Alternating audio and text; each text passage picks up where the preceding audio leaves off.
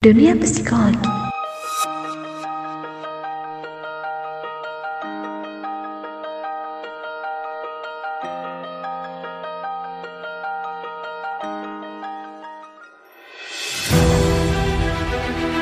Hai Sobat Dupi, apa kabarmu hari ini? Semoga kalian dalam kondisi yang baik-baik saja ya. Amin. Untuk podcast kali ini, aku, Vidi akan menemani Sobat Dupi dengan judul Smiling Depression.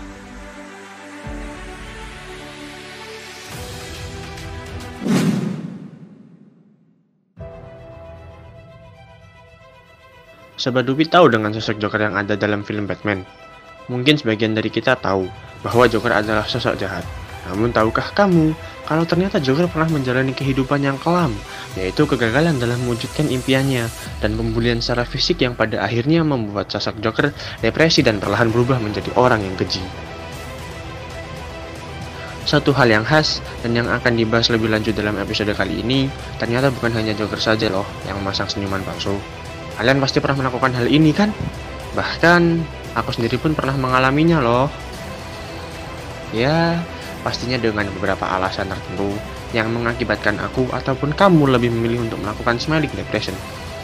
Oh ya, smiling depression ini sebenarnya apa sih? Bagi yang belum tahu atau yang baru mendengarnya, smiling depression ini adalah istilah untuk seseorang yang hidup dengan depresi dalam dirinya dan akan tampak sangat bahagia dari luar. Seseorang yang melakukan smiling depression sering memakai topeng kebahagiaan dan kegembiraan di halayak ramai. Padahal aslinya mereka memiliki perasaan putus asa, tidak berharga, atau bahkan tidak mampu melakukan apa pun. Tahukah Sobat Dupi bahwa orang-orang smiling depression ini berjuang dengan depresi dan kegelisahan dalam jangka waktu yang tidak sebentar loh? Belum lagi di saat bersamaan, muncul rasa takut akan diskriminasi yang membuat pikiran mereka kacau, sehingga secara tidak sadar mereka selalu berusaha untuk tampil bahagia di depan orang lain, seakan tidak ada masalah, hidupnya baik-baik saja. Akan tetapi meski mengalami gejala tersebut, pengidap smiling depression justru terlihat sangat normal jika di depan umum.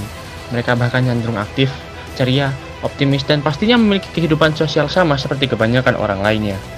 Di sisi lain, ada juga beberapa dari pengidap smiling depression yang memiliki cukup banyak energi untuk tetap aktif di luar dan hal itu justru memiliki resiko bunuh diri yang lebih tinggi. Alasannya ya karena mereka mempunyai banyak energi buat melakukan hal itu. Coba deh kalau pikiran kita pendek dan terbujuk rayu setan lebih memilih untuk mengakhiri jalan cerita hidup kita, kira-kira apa yang terjadi ya? Hmm, pastinya ya. Ada banyak orang yang harus sakit karena kehilangan kita.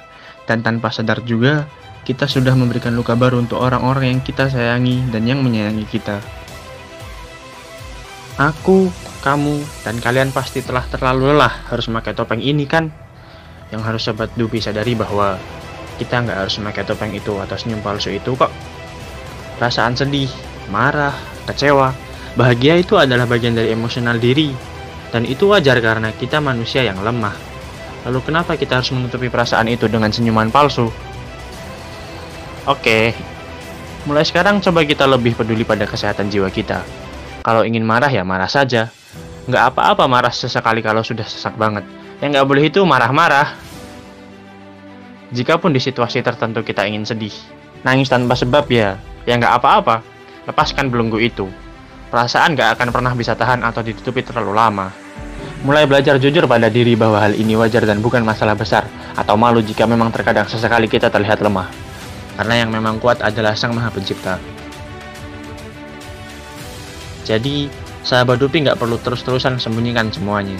Beri dirimu kesempatan untuk bebas mengekspresikan yang kamu rasakan, tentunya dalam hal yang positif ya. Jadi mulai sekarang yuk biasakan diri untuk tidak berpura-pura atau drama lagi. Ayo, lepaskan topeng dan tebarkan senyum tulusmu kawan. Sekian podcast kali ini. Jika kamu butuh teman, dengerin podcast Dupi saja. Ajak teman-temanmu untuk ikut dengerin juga. Aku Vidi pamit undur diri. Sampai bertemu di podcast selanjutnya. Salam penuh cinta dunia psikologi. Dunia psikologi, satu dua telinga untuk berjuta-juta suara.